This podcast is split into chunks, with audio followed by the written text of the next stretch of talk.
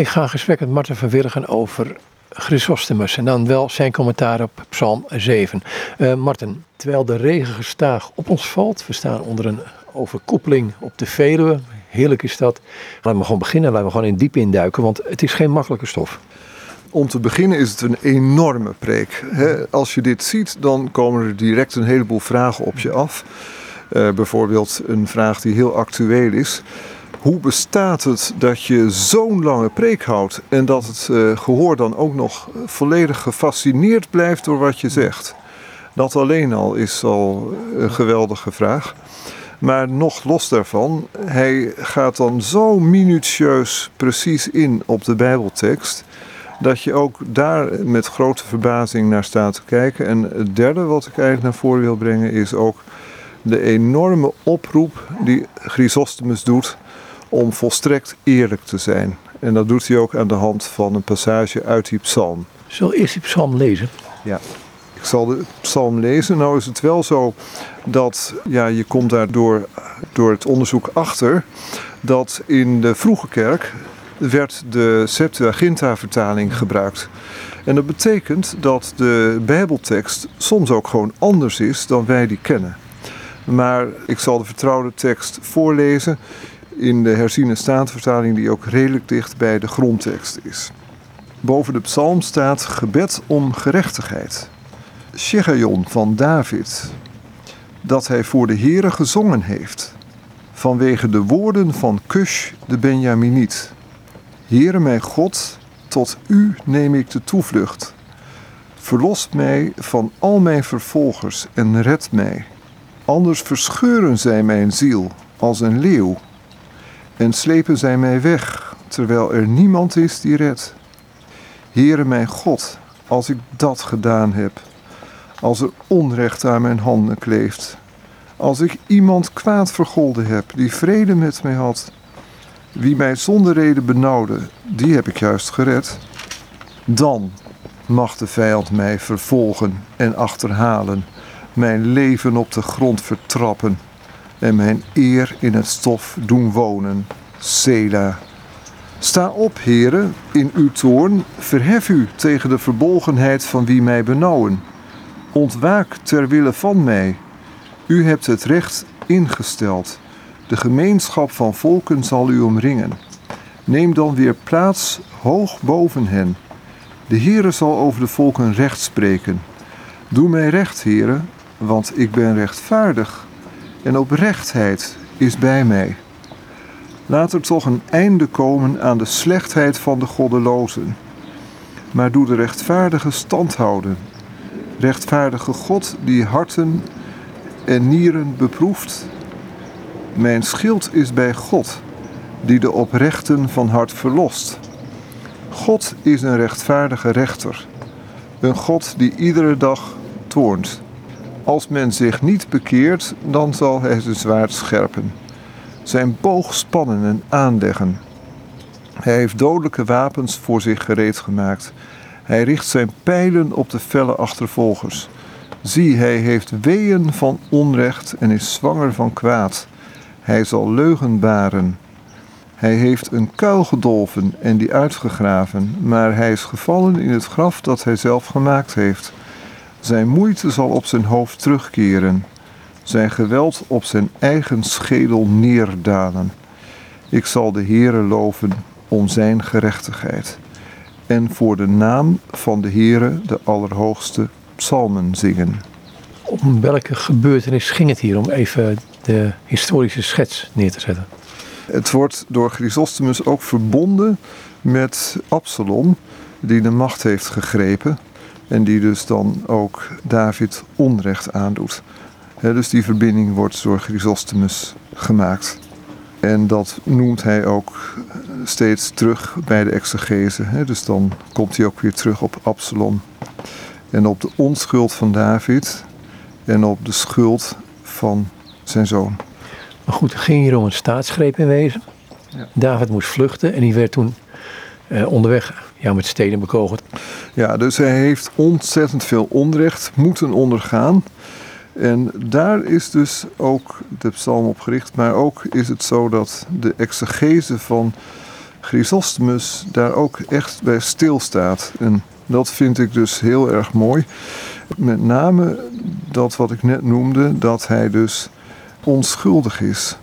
Natuurlijk is het wel zo dat David met Bathsheba gezondigd heeft en dat er toen door Nathan werd voorspeld: het zwaard zal van uw huis niet wijken. Maar ten opzichte van Absalom heeft David niet een directe schuld. Dat kun je niet zeggen.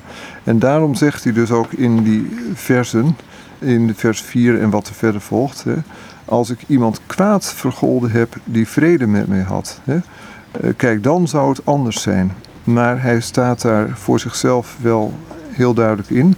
Dat is niet het geval. En daar gaat Chrysostomus ook op in. Met name ook bijvoorbeeld op het punt dat David, als het gaat over Sal, ook Sal nooit echt kwaad heeft aangedaan. Hoewel die hem had kunnen doden. En dat uh, wordt ook in verband met dit vers wordt dat ook heel duidelijk naar voren gebracht. Is het zinnig om gewoon het commentaar van Chrysostomus te beginnen lezen? Of misschien eerst een andere vraag. Die Chrysostomus, wie was dat?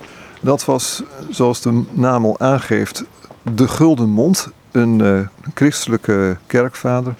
Heel bekend en beroemd in het uh, oosten van het Romeinse Rijk. Hij heeft ook in Antiochië gestaan en in Constantinopel. Om het kort samen te vatten, eerst was hij van plan om monnik te worden, maar heeft hij door een te grote ascese zichzelf nogal verzwakt. En is hij dus uiteindelijk weer teruggekeerd in de bewoonde wereld. En is daar langzaam maar zeker ook in het kerkelijke werk terechtgekomen. Maar omdat hij enorm goed was opgeleid door Libanius, de redenaar, was het zo dat zijn talent al heel snel opviel. En dat hij ook al heel gauw werd gevraagd om te komen prediken. En toen dat één keer in gang gezet werd, bleek wel dat hij zeer begaafd was. En dat hij dus daarom ook heel veel wist betekenen voor zijn gehoor. omdat hij zo buitengewoon begaafd was. Zijn commentaar. Ja, zijn commentaar is heel uitgebreid. En het gaat dus uh, hier over een stuk wat ook direct uit de psalm ontleend is. Wat hij zegt is het volgende. Als ik onrecht heb gedaan, als ik me gewroken zou hebben, dan zou ik dat en dat willen lijden. dat noemt hij dan in het vervolg. En hij riep over zichzelf dat oordeel af en achtte het niet nodig dat zijn handel, handelen volgens de normale maatstaf beoordeeld werd, maar veel meer de straf zou betalen boven wat hij waardig was om te betalen. Dus als ik dat in eigen woorden samenvat, hij zei van nou, straf mij maar, doe maar wat je met me, met me wat je wilt, maar ik moet er niet aan denken dat ik zo had heb gehandeld. En zegt Chrysostomus, hij stelde zichzelf onder de straf als iemand die rekenschap verschuldigd was, waar de wet hem juist vrijstelde. En zie nou hoe die straf precies was. En dan komt dan de Bijbeltekst, hè? dat staat er dan daarna, want die straf die wordt dan helemaal aangegeven in het vervolg. Hij zegt dan, de vijand mag mij vervolgen, hij mag me achterhalen, dus inhalen mijn leven op de grond vertrappen, mijn eer in het stof doen neerdalen. dat zegt hij allemaal. Dus dat is niet niks. Hij mag me eigenlijk afmaken, laat ik het zomaar in Nederlandse termen zeggen. Dat zegt Chrysostomus. Hij mag mij vernederen. Chrysostomus zegt het allemaal. Hij mag mij vernederen, hij mag mij vertrappen. Mag ik bereidwillig voor mijn vijanden zijn, zegt hij. Wat zou er kunnen gebeuren dat afschuwelijker is dan wat Absalom aan David doet? Absalom die zijn vader en dan zo'n vader die zo beschaafd was, zo sympathiek, die zo'n vader vervolgt, onbeschaamd als die is, onbeteugeld, zijn grenzen niet kennend en overmoedig.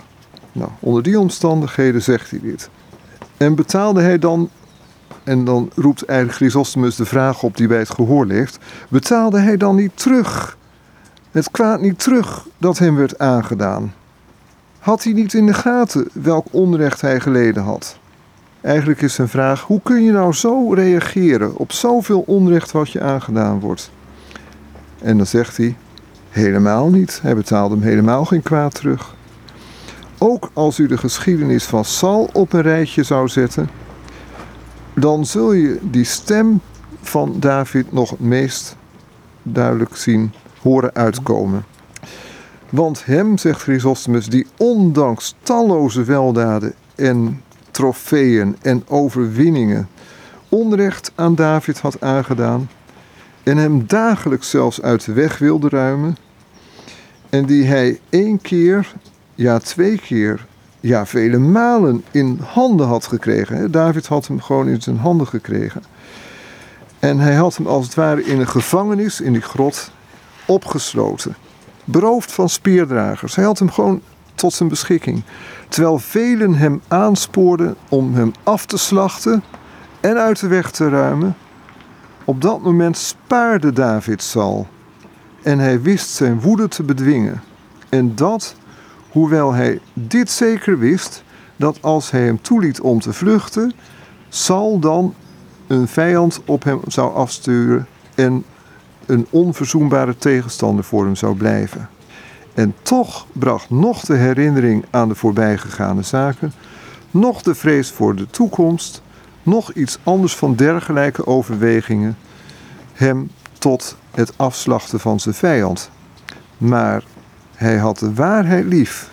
Hij hield zijn hand vast, zijn eigen hand vast. Hij beteugelde zijn toorn en hij verkoos het om liever gevaar te lopen en achtervolgd te worden en zijn vaderland te moeten verlaten, zijn vrijheid te moeten verliezen, dan dat hij de vijand zo, zomaar en zonder reden zou aanvallen en hem na zoveel weldaden bloeddorstig zou afslachten en van het leven zou beroven. Nou, ik vind het echt fantastisch hè? hoe hij heel duidelijk laat blijken van ja, maar dat doe je niet, dat doe je niet, dat doe je niet. Mm Hij, Chrysostom maakt hier zo heel duidelijk dat uh, het wreken dat dat aan God toekomt. En dat we daarom nooit ons eigen recht moeten zien uh, te halen, maar juist dat aan God moeten overlaten. Aan God overlaten. Um, dit lijkt me erg moeilijk, want hij werd op dit moment werd hij verdreven. Uh, hij had alle reden om wel kwaad te zijn. Op, op Absalom, die als zijn vrouwen nog een keertje verkrachten. Ja. En toch, is dit hoe David was of leest Chrysostomus dit in deze tekst? Nou, wat ik ervan leer, is dat uh, wat een mens ook overkomt, dat je dus niet daarnaar kijkt, maar vooral kijkt naar je eigen verhouding tot God. Dus dat de relatie van, tot God, dat die eigenlijk alles bepalend is. Dat je het aan God voorlegt en dat je dus die onschuld, dat laat Chrysostomus duidelijk zien, maar daar ben ik het ook mee eens, dat die onschuld van David, dat die ook voor ons een voorbeeld moet zijn dat hij zich niet wilde wreken, maar het aan God overliet. Niet in theorie, maar het ook daadwerkelijk deed. En dat hij dus ook pertinent weigerde om zelf wraak te nemen. Dus dat hij dat gewoon niet deed, omdat hij vond dat hij daartoe ook geen recht had om dat te doen. Ik moet er even bij zeggen dat we buiten staan bij Hotel Hoogsoeren onder een uh, overkapping. Het regent, maar er rijden af en toe wel wat auto's voorbij. Dat was in de tijd van Chrysostomus zeker niet zo. Um, maar goed, we gaan verder met de tekst van Chrysostomus. Ja, dus dan kom je eigenlijk op een diepere laag, namelijk het geweten, ons geweten. En is Chrysostomus daar heel helder in. Hij zegt de ergste aanklager die we hebben, dat is ons eigen geweten. En dat geweten, dat moeten wij rein houden voor Gods aangezicht. Dus hij gaat eigenlijk van het menselijke af van ja, maar hij deed dit en hij deed zus en hij deed zo. En dat was toch best wel heel vervelend. En, en, en ja, nee, maar hij is schuldig. Daar gaat hij helemaal van af. Hij komt tot de cruciale vraag: hoe sta jij zelf ten opzichte van God? Hoe is dat nu? Sta je daar ook vrij en zuiver ten opzichte van God? En dan kun je natuurlijk weer andere dingen daarbij halen die soms ook vertroebelend kunnen werken bijvoorbeeld het argument van ja, maar iedere mens eh, is toch schuldig en iedere mens doet zonde. En dat is ook zo. Maar toch ontslaat ons dat niet van de vraag om dat zicht op God helder te houden en ook wat ons geweten betreft volledig zuiver te zijn en daarnaar te streven. Eigenlijk zou ik willen zeggen, als we merken dat we door allerlei dingen worden afgeleid, waardoor dat zicht op God vertroebelt of dreigt te vertroebelen, leg alsjeblieft die dingen voor God neer en vraag Hem om raad daarin. Dan gebeurt er nog iets anders en dat zal het commentaar ook al opleveren zo. Ehm, David zegt dit, die zegt laat hij maar zijn gang gaan. Ehm, God weet alles. Ik zeg het even met mijn eigen woorden. Maar ondertussen heeft hij wel een vriend van hem in Jeruzalem, waarvan hij zegt, jongens, verhindert de raad van Achitofel. Of ga ik nu te snel in de preuk verder? Helemaal niet. Ik denk dat het juist ook zo is dat als je het hebt over het goede en het kwade, dat je toch ook probeert het goede weer terug te laten komen. En het is zo dat voor iedereen ook duidelijk was dat het beleid van Absalom nergens toe leidde, of in ieder geval niet tot iets goeds zou leiden. En daarom was het ook gerechtvaardigd dat David weer probeerde met vrienden die hem daarin konden helpen om toch ook weer de regie in handen te krijgen, om uiteindelijk weer goed te doen. Dus eigenlijk zou je kunnen zeggen, was het sturen van zijn vriend Huzei was dus eigenlijk ook inderdaad, je zou kunnen zeggen, een correctie van een situatie die niet goed was. Kun je zijn commentaar verder lezen? Ja, ik zal dat zeker doen. Ik zal een gedeelte lezen wat ik zelf ook erg aansprekend vond. Wanneer de slechten, naarmate ze meer door ons worden geëerbiedigd of gerespecteerd, wanneer deze slechten hun oorlog niet staken, dan bezorgen ze ons als een gastvriend een des te heerlijker vergelding of beloning en maken zichzelf alleen maar zwakker. Dus eigenlijk moet je in dit, even als korte toelichting op dit stukje, eigenlijk even omgekeerd denken.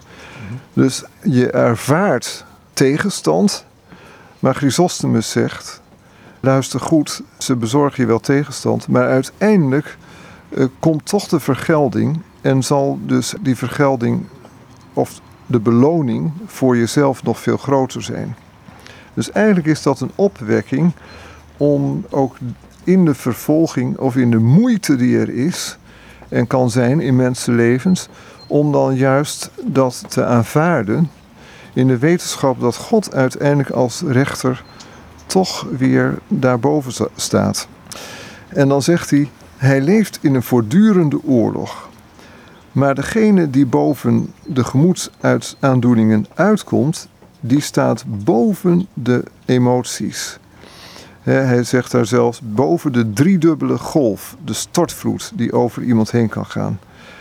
Hij bezorgt zichzelf de grootste voordelen in plaats van zijn tegenstander. Dus eigenlijk zegt hij, die tegenstander kan geweldig tekeer gaan als een soort van lawine over je heen komen. Maar uiteindelijk is het zo dat je daar zelf sterker uitkomt. En dat is bij David dus ook heel duidelijk. En dan zegt hij dus: Wel, nu laten we oorlog voeren. Met anderen ontvluchten en de wortel van die dingen wegnemen. Ijdele roem en zucht naar geld. Dat vond ik ook heel typerend. Hij zegt van ja, kijk, waar gaat het in heel veel gevallen om? En zie de actualiteitswaarde van deze passage. Het gaat om ijdele roem en het gaat om geld. En dat vond ik zo treffend. Ik dacht van ja, nou is die preek dus in de vierde eeuw gehouden. Maar als we de actualiteit een klein beetje volgen en ook zien wat er tegenwoordig aan discussies wordt gevoerd, dan gaat het toch heel gauw over inderdaad verdelen van geld. Uh, nou ja, het aanzien van een politicus, van noem het maar op. Dus hoe actueel is dit? Die twee zaken. En dan gaat hij verder. Want iemand is of door zijn rijkdom of door ijdele roem gehaat. Want als we daarboven staan, dus hij roept daar eigenlijk toe op van uh, blijf daar niet in hangen, maar sta erboven. Als we daarboven staan, zullen we ook ontheven zijn aan de greep van de vijandschap. Dat vond ik ook zo heel erg mooi. Als je anderen laat delen in rijkdom, of in wat God je aan zegeningen geeft, dan ontstaat er ook geen jaloezie. Want dan mag je dan met anderen gewoon delen. En eigenlijk roept hij daartoe op. En dat doet hij ook niet alleen hier, maar ook op allerlei andere plaatsen in zijn preken. Roept hij op om wat God ons toevertrouwd heeft te delen met de ander. Wel nu, als iemand ons bruut behandelt, draag het dan op een edele manier. Want, zegt Chrysostomus, hij heeft eigenlijk zichzelf bruut behandeld, jou niet. Als hij jou kwetst, steek dan niet je rechterhand uit of rechtervuist naar hem uit hè, als verwensing. Want zelf is hij de persoon die gekwetst is. En hij heeft jou weliswaar met zijn hand, maar eigenlijk zichzelf in zijn geest getroffen toen hij de slag toebracht. Hij heeft een slechte reputatie van iedereen verworven. Als jou dat lastig te verdragen lijkt, bedenk dan dat als iemand die bezeten is jouw mantel verscheurt, dat dan niemand zegt dat jij op een slechte manier lijdt. Of dat je iets verschrikkelijks hebt ondergaan. De persoon die het meeste heeft geleden is degene die dat gedaan heeft.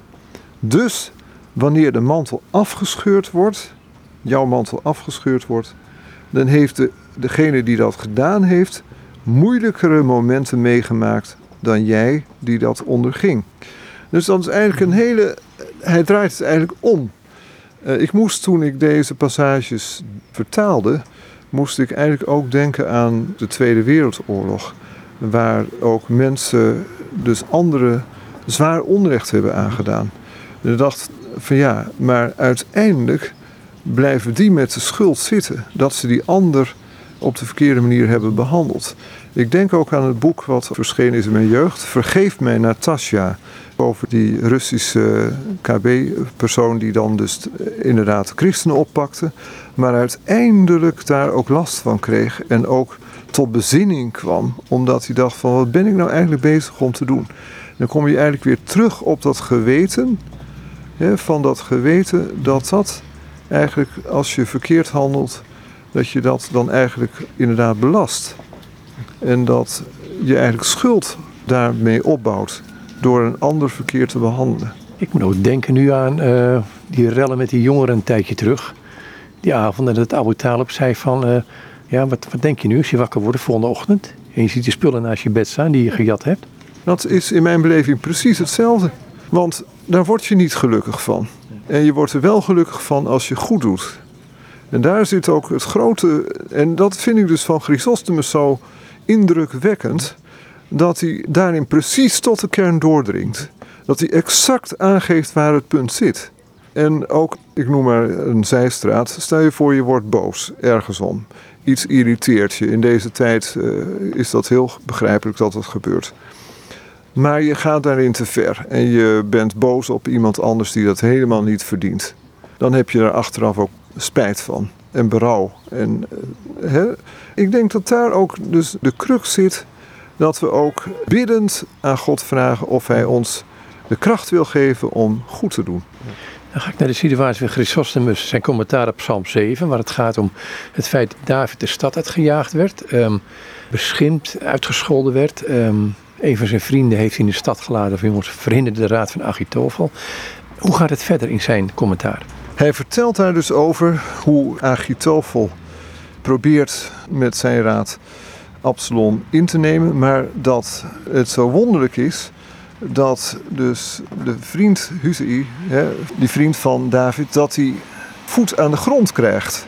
En dat dat zo bijzonder is dat dat gebeurt.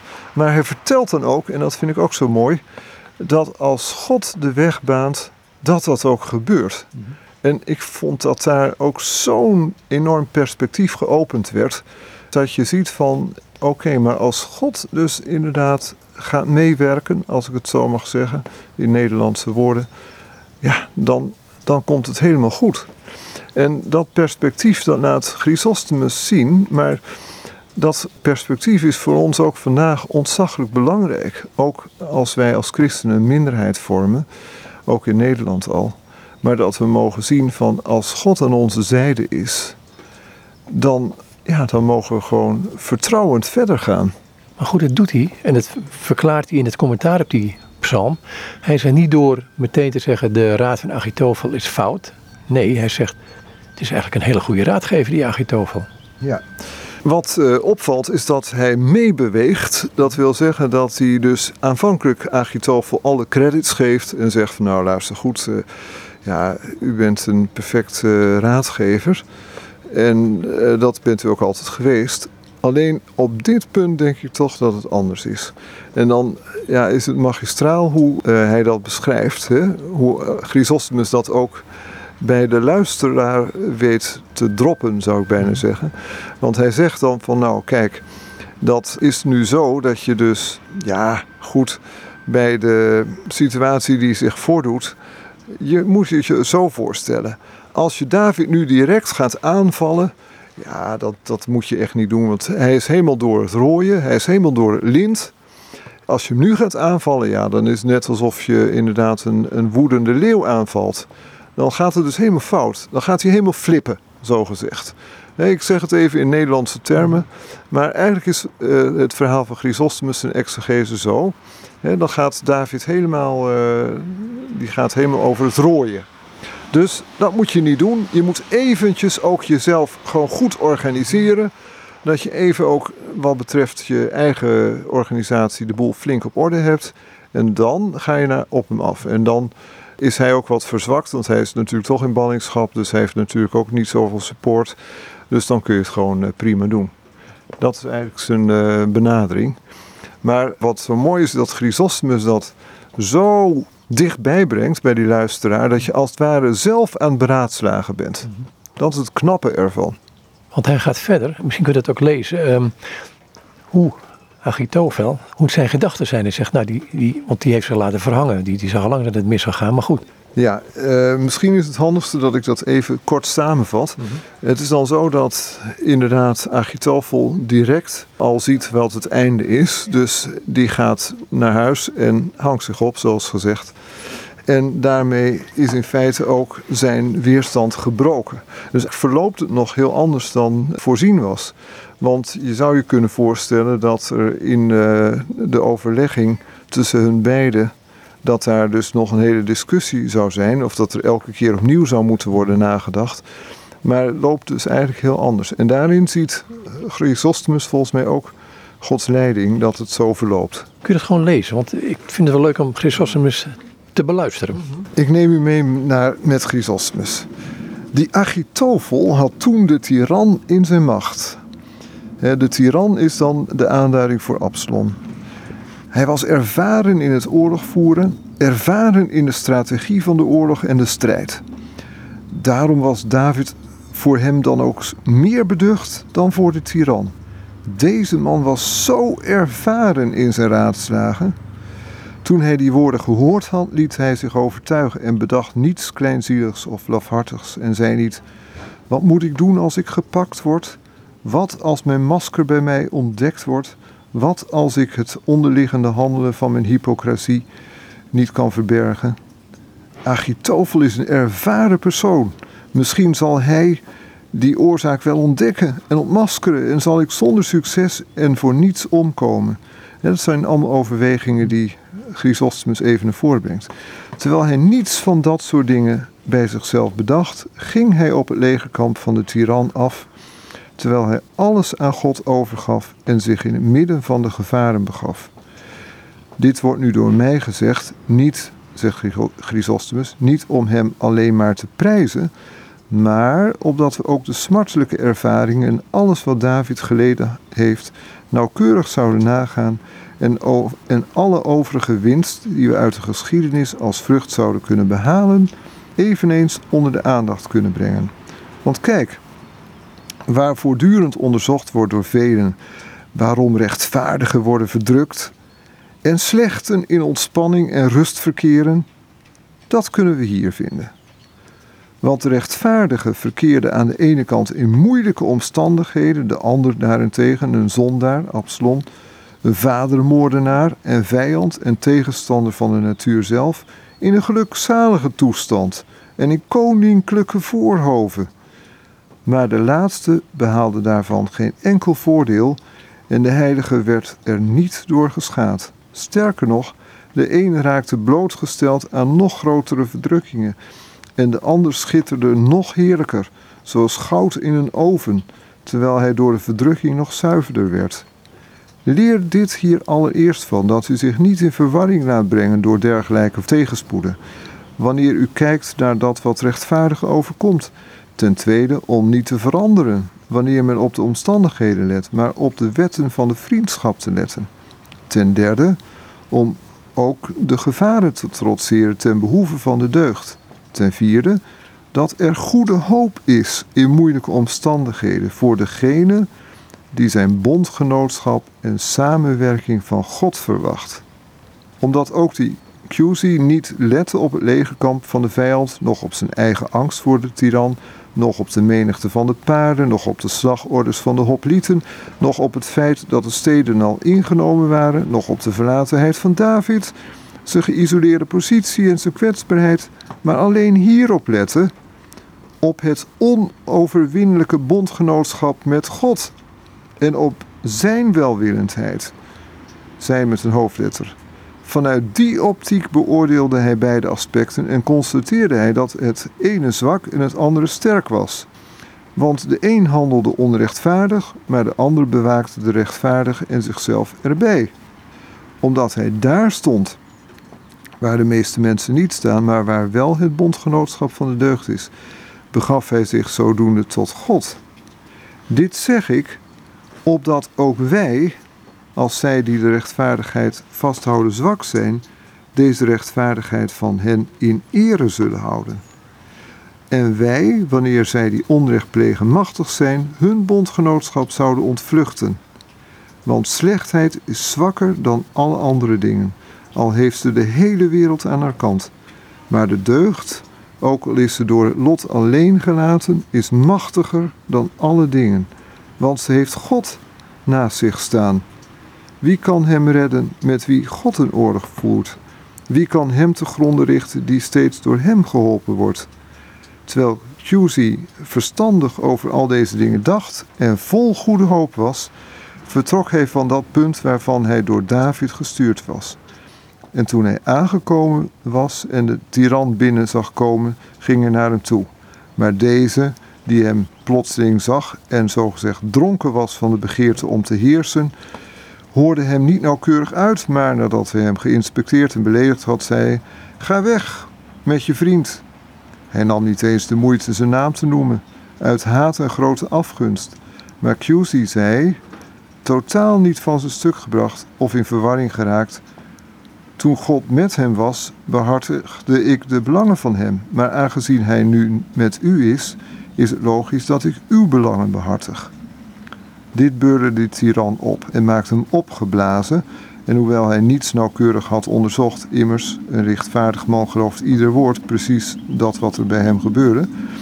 En zo zijn nek brak bij zijn tegenstanders, introduceerde hij hem meteen bij zijn intimie, gaf hem een plaats onder zijn voornaamste vrienden. God bestuurt alles door zijn aanwezigheid en geeft als een veldheer sturing aan gebeurtenissen. Dat terwijl er al een oorlogsplan klaar lag en de een dit en de ander dat adviseerde met betrekking tot de vraag of men David meteen moest aanvallen of misschien nog even moest wachten.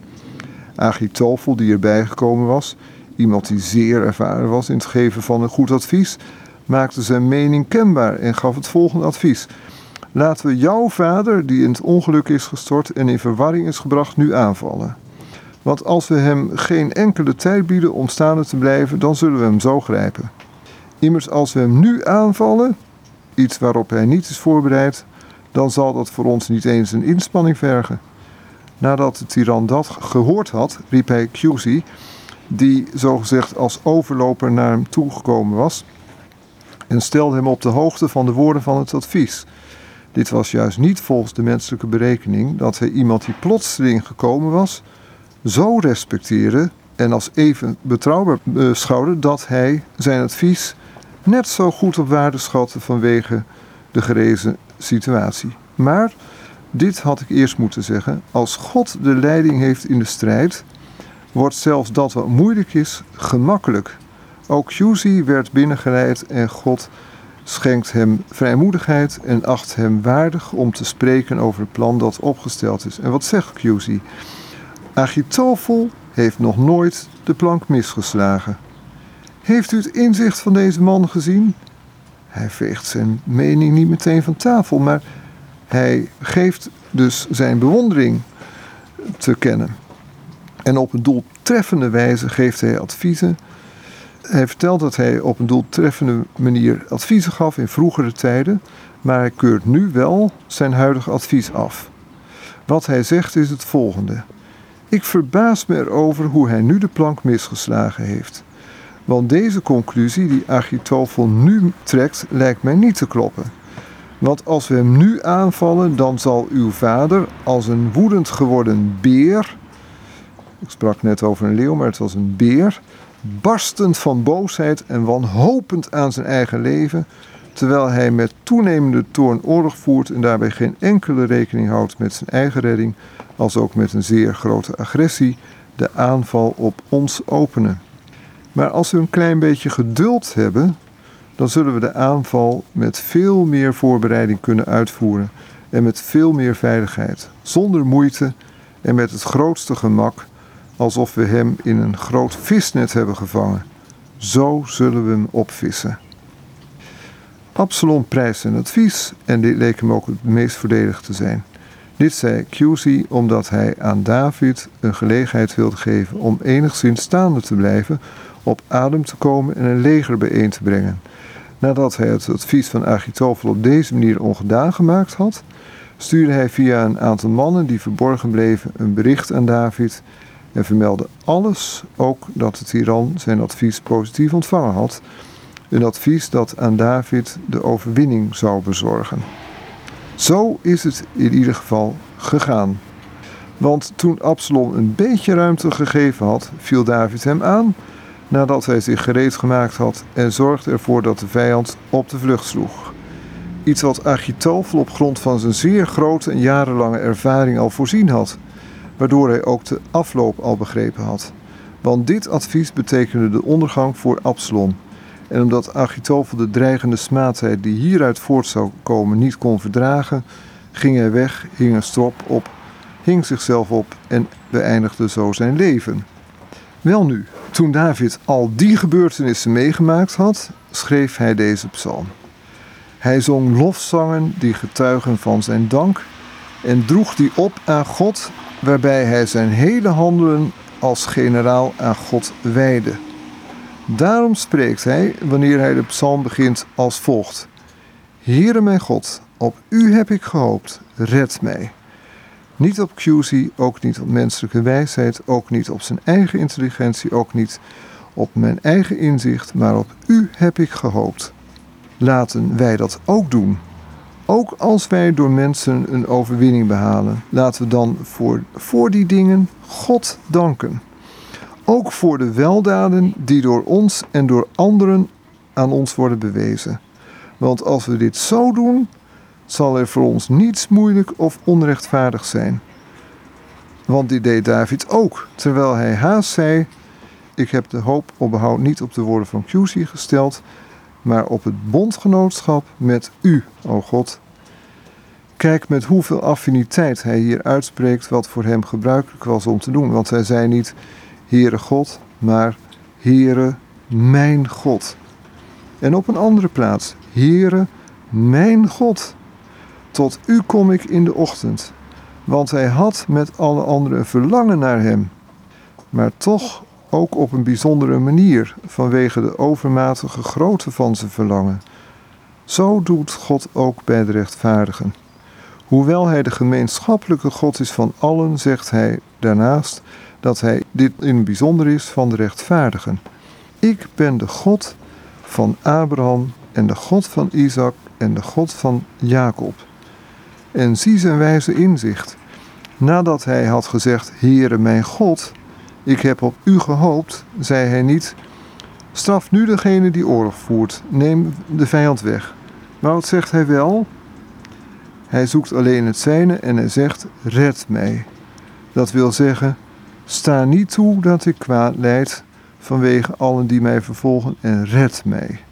Zie hoe hij, hoewel hij kwaad leidt, de vadermoordenaar niet bij name noemt, maar hoe hij ook in deze samenloop van omstandigheden de natuur erkent en zelfs in de oorlog zijn zoon ziet en in de gevaren de barmhartigheid niet vergeet.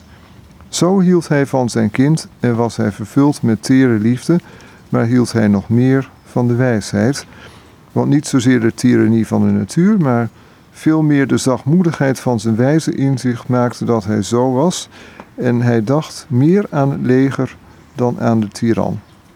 Daarom zegt hij: Red mij van allen die mij vervolgen en bevrijd mij. Zie je nou hoe hij hem, hen niet eens negatief duidt?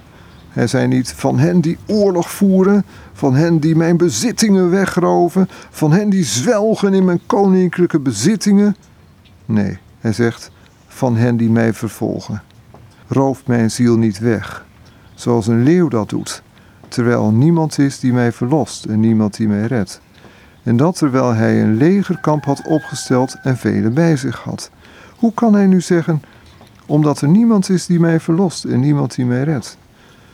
Omdat de hele wereld zelfs niet als een deel van een bondgenootschap door hem wordt beschouwd, als hij de kracht van boven niet zou genieten. Evenmin zou hij menen in eenzaamheid te verkeren, al zou hij alleen zijn, wanneer hij deel zou hebben aan het bondgenootschap met hem, met een hoofdletter God. Daarom zegt de schrift ook: een koning wordt niet gered door zijn grote kracht. Een groot man zal niet gered worden door de veelheid van zijn kracht. Sommigen die deze uitspraak volgens de anagogische interpretatie opvatten, zeggen dat de leeuw en degene die achtervolgen de duivel en de demonen zijn. Want omdat David zag dat zijn zoon door deze persoon bruut geroofd en helemaal meegenomen werd, wenste hij zelf nooit hetzelfde te hoeven meemaken. En noemde hij ook de oorzaak waarom hij dat alles onderging. Wat was de oorzaak? Door de slechtheid, zegt hij, heeft hij het bondgenootschap met God van zich afgezet. Daarom zegt hij: Omdat er niemand is die mij verlost en niemand die mij redt. Dat de leeuw als de duivel wordt aangeduid vanuit de schrift, luister daarnaar, want de schrift zegt: Uw vijand, de duivel, gaat rond als een briesende leeuw op zoek naar wie hij zou kunnen verslinden.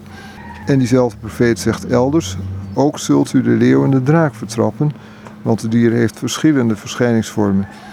Maar wanneer we het zullen winnen, van, zal die leeuw en die draak nog minder waard zijn dan welke bagger dan ook. Even tot hier. Ik heb het Grieks ook goed bekeken, maar dat staat er echt, bagger. Echt modder. Niks. Het stelt geen aap voor. Er zitten een aantal dingen in, hè? Want, want David, er wordt hier over gezegd, nou niemand redt mij. U alleen met mijn redder. Terwijl het verloop van de strijd was dat Absalom werd gedood door soldaten. Terwijl je tegenovergestelde had gezegd, David. En dat hij in wel neerzet aan de poort van de stad. En, en Joab tegen hem moest zeggen van, uh, nou verman je jezelf, anders gaat het leger nog tegen je kiezen. Ja, het lijkt erop dat hij toch ook innerlijk, laat ik het zo zeggen, uh, die momenten van eenzaamheid heeft gekend. En dat hij uh, dat ook niet heeft ontkend, maar juist doet blijken door God aan te roepen. Dus dat hij in die eenzaamheid die hij zelf ervaart, dat hij God aanroept. De randvoorwaarden kunnen dan gunstig zijn. Hè. Hij heeft, dat zegt uh, Chrysostomus ook zo mooi, dat uh, hij heeft natuurlijk wel een leger tot zijn beschikking. Maar uh, ja, we kunnen dat zelf natuurlijk ook niet invoelen, maar het moet iets verschrikkelijks zijn wanneer je eigen zoon dus op deze manier denkt dat hij de macht over kan nemen. hij staat in wezen jou als vader naar het leven. Hij staat jou als vader naar leven en daarom zegt Chrysostomus ook, in het Grieks staat er ook zoiets als vadermoordenaar. Mm want hij was dat wel van plan. Het is niet zo dat ze zeg maar eh, tot een soort overeenkomst komen na een overleg of na diplomatieke overwegingen. Maar het gaat hard tegen hard. Het is echt erop of eronder. Welk stuk wil je niet pakken, die preek? Want we kunnen nog rustig die hele preek lezen, maar we staan hier over een uur nog, denk ik. Want het is een hele lange preek. Er zit nog een heel speciaal eindgedeelte aan. Ja, dat eindgedeelte dat wordt ook voor een deel natuurlijk bepaald door de Bijbeltekst zelf. De Bijbeltekst zelf is eigenlijk heel sturend ook voor de uitleg die hij geeft. Maar ik zal inderdaad een stuk verder in de preek gaan, waar ook dus nog niet helemaal het eind te vinden is, maar wel een stuk dichter bij het eind komen. Laat ik dit nemen, want dit is een mooi stuk, dat heb ik enigszins toegelicht. In het volgende deel van de preek is het thema de manier waarop wij met onze vijanden om moeten gaan. We moeten namelijk geen kwaad voor kwaad vergelden, maar juist het tegenovergestelde doen. Dat zal deze vijanden veranderen in vrienden. En dan zegt Chrysostomus het volgende. Want Christus gaf hiervoor ook geen opdracht dat we geen vijanden zouden hebben. Heel mooi hoe hij dit zegt. Want daarop kunnen we eigenlijk geen invloed uitoefenen. Dus eigenlijk wat hij zegt, ja, het kan gebeuren dat je vijanden hebt. Maar Christus droeg ons wel op om hen niet te haten. Want daarop kunnen we wel onze invloed laten gelden. Op dat andere echter helemaal niet. Op het haten als zodanig, zoals het zich voordoet, de macht hierover is niet bij ons gelegen, maar bij degenen die ons haten. Want de slechten zijn gewoon de goeden te haten, zomaar, zonder enige reden of zin. Immers ook Christus hebben ze gehaat, zoals hij zelf ook zegt, ze hebben mij zonder reden of zonder oorzaak gehaat. Ook de apostelen hadden de valse apostelen als hun vijand en de profeten de valse profeten. Zij zet het echt heel mooi in een kader. Want hier moet u niet aandachtig naar kijken, namelijk naar de vraag hoe we geen vijanden zouden kunnen hebben, maar wel naar het volgende. Hoe we dit, namelijk het hebben van vijanden, op een rechtvaardige en verstandige manier kunnen voorkomen en hoe we, als we talloze malen worden gehaat, zelf niet mogen haten en ons ook niet van onze medemens mogen distancieren. Laatste vond ik ook heel erg inzichtgevend. Hè? Dus we mogen ons niet van die medemens distancieren. Want dat is vijandschap. Namelijk om een ander te haten en je van hem af te keren. Want wanneer ik gehaat word, maar zelf niet haat, dan heeft hij die mij haat mij als vijand, maar ik hem niet. Hoe kan ik immers hem als vijand beschouwen, telkens wanneer ik bid en telkens wanneer ik goed wil doen? Daarom heeft Paulus gezegd: Als het mogelijk is, zoveel als in u is, houd vrede met alle mensen. Laten we daarom het onze inbrengen en wij zullen lof ontvangen die daarbij passend is. Dus hij bedoelt te zeggen, probeer positief te zijn. Wat is het onze? Ik bedoel iets dergelijks. Haat deze of gene jou, voert hij oorlog? Nou, doe dan het volgende. Heb hem lief en doe wel bij hem. Behandelt hij je bruut, scheldt hij je uit? Zegen hem, prijs hem. Maar stopt hij dan ook dan niet met zijn vijandschap? Dan schenkt hij jou zelfs een nog groter salaris. Want wanneer de slechten, naarmate ze door ons meer worden gerespecteerd, hun oorlog niet staken, bezorgen ze ons een, als een gastvriend een des te heerlijker beloning en maken zichzelf alleen maar zwakker. Immers degene die haat en de vijandschap niet staakt, wordt van binnen verteerd. Hij richt zichzelf te gronden. Hij leeft in een voortdurende oorlog. Maar degene die boven die pijlen uitstijgt, die staat geheel buiten deze driedubbele golf van haat en jaloezie. Hij bezorgt zichzelf de grootste voordelen in plaats van zijn tegenstander hem, omdat hij serieuze pogingen aanwendt om zich met zijn tegenstander te verzoenen en geen oorlog te voeren, waardoor hij zichzelf losmaakt van de oorlog en de strijd. Laten we daarom het oorlog voeren met anderen ontvluchten en de wortel van die zaken wegnemen, ijdele roem en de zucht naar geld. Maar goed, als ik dat op David toepas, op wat we net ook al gelezen hebben, uh, hoe gaat hij daarmee om? Want David die, uh, heeft wel degelijk een le leger op de been geroepen en die is wel degelijk uh, tegen zijn vijand opgetrokken. Ja, daar heb je dus een ander punt, dat het kwade moet worden bestreden. Mm -hmm. dus dat is eigenlijk een ander punt, zoals ook, denk ik, in de Tweede Wereldoorlog het kwade moest worden bestreden. Dus dat er op een gegeven moment een tegenaanval plaatsvond. En dat is eigenlijk bij David ook zo, dat hij dus toch een tegenaanval opent op zijn eigen zoon, hoe moeilijk dat ook is. En ja, dus is dat toch in hetzelfde kader. Dus dat we het goede moeten doen en het kwade moeten bestrijden. Zullen het eind van de preek gaan?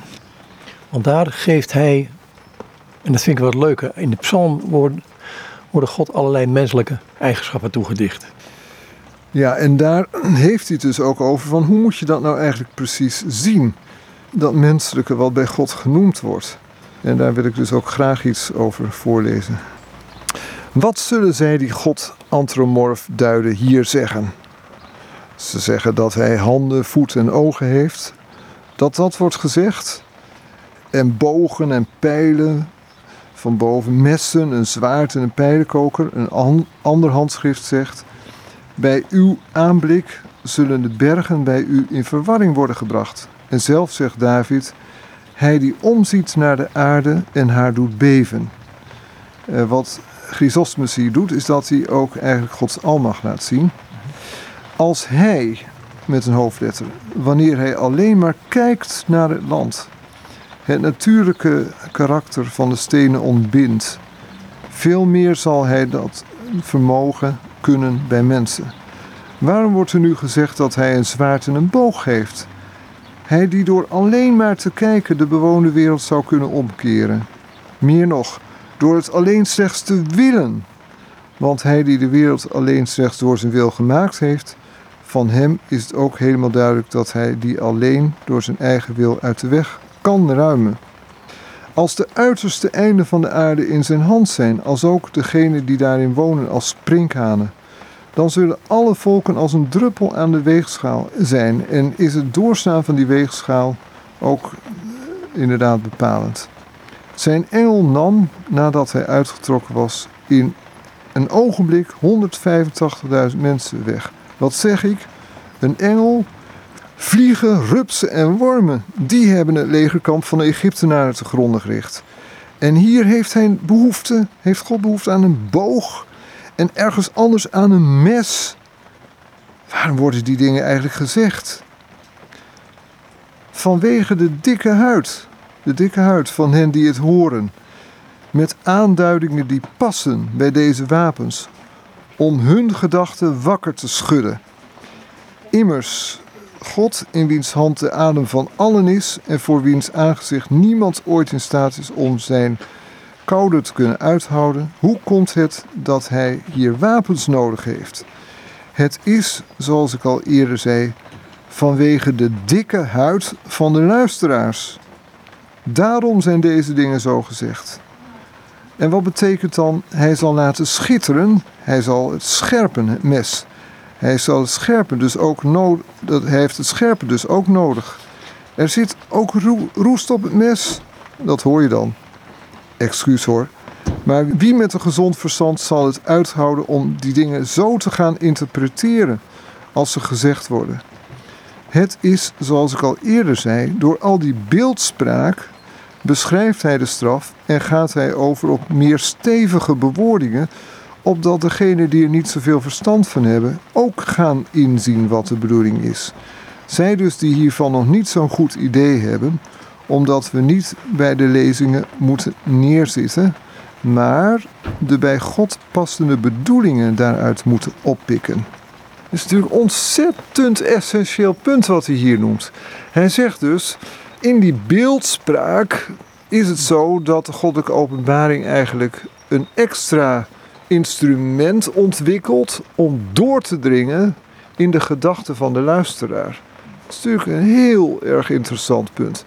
Maar daarmee is ook een heel goed antwoord gegeven op de vraag waarom God in, op allerlei plaatsen in het Oude Testament zo antropomorf wordt voorgesteld. Eigenlijk onze beperktheid in denken ja. kunnen zien. Nou, dat is precies het punt. En eh, daardoor is het ook zo dat er, als ik het zo mag zeggen, een vertaalslag wordt gemaakt om in ons denken binnen te komen omdat Chrysostomus hier in mijn idee ook volledig terecht zegt van ja, als je kijkt naar zijn adem, dus we denken aan Genesis 1, dus dat God schept, uh, dus dat, dat God van een andere orde is, van een totaal andere orde is dan wij mensen. dus schepper en schepsel en schepping. En dat komt toch weer heel duidelijk terug in deze preek, ook in andere gedeelten van zijn werk. Maar ik vind het wel magistraal zoals hij dat hier laat horen. Wat is nou de portée van, die, van, die, van het commentaar van Chrysostomus op deze psalm? Het is maar één psalm geweest, psalm 7 dacht ik. Ja, ik denk toch eigenlijk dat je terugkomt ook op het in alle opzichten oprecht leven voor God en het ook in alle opzichten van Hem verwachten. Dus als ik het heel kort zeg, hou je geweten zuiver voor Gods aangezicht. Wat hierbij laten, dankjewel. Ja, graag gedaan. En dit is Marten van Willigen en met hem had ik in gesprek over het commentaar van Johannes Chrysostomus op Psalm 7.